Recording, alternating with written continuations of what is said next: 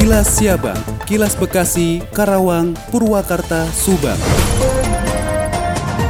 Dari Karawang menginformasikan, pemerintah Kabupaten Karawang melalui Dinas Sosial Kabupaten Karawang memberikan bantuan kepada Pondok Pesantren Miftahul Khairot di Kampung Kerajaan Barat RT 0001 RW 00 Desa Manggujaya, Kecamatan Cilamaya Kulon, Kabupaten Karawang.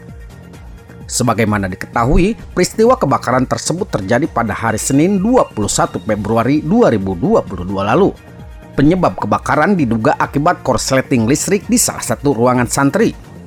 Bantuan diserahkan langsung oleh pihak Dinas Sosial Kabupaten Karawang yang diwakili oleh Kasih Perlindungan dan Jaminan Sosial Linjamsos Dani Sonjaya AKSMM. Sementara itu, bantuan dari pemerintah Kabupaten Karawang diserahkan langsung kepada perwakilan Ponpes Miftahul Khairot yang ada di lokasi pengungsian.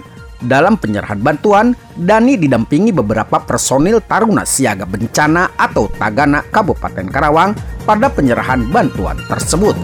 Demikian dan Citra Sena 96,9 FM ADS Radio Karawang mengabarkan untuk Kilas Siabang. Kilas Siabang, Kilas Bekasi, Karawang, Purwakarta, Subang.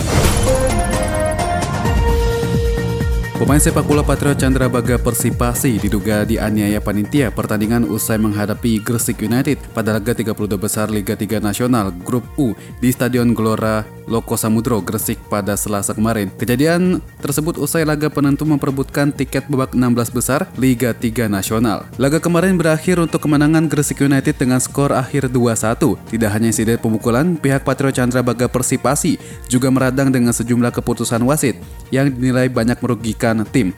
Hal itu ditegaskan salah satu pendukung Patro Chandrabaga Persipasi, Arif Rahman Hakim. Dalam video unggahan Instagram resmi Patro Chandrabaga Persipasi, Arif yang juga penanggung jawab Panpel Kota Bekasi Liga 3 Seri 1 Jawa Barat juga mengaku kecewa dan berencana membuat laporan polisi atas peristiwa tersebut. Demikian Ibnu Jabar, Radio Dakta 107 FM melaporkan. Kilas Siabang, Kilas Bekasi, Karawang, Purwakarta, Subang. Dikabarkan dari Subang, dalam rangka meminimalisir adanya peningkatan penyebaran COVID-19 di Kabupaten Subang, Kapolres Subang beserta jajarannya bekerja sama dengan pemerintahan Kelurahan Soklat mengadakan pelaksanaan vaksinasi door-to-door di RW 11 Sukaresmi Kelurahan Soklat Subang. Kegiatan vaksinasi door-to-door tersebut dipimpin langsung oleh Kapolres Subang, yakni AKBP Sumarni, didampingi para PJU Polres Subang, Kapolsek Subang Kota, Kompol Yayah Rokayah, juga Lurah Soklat, yakni Adang Somantri.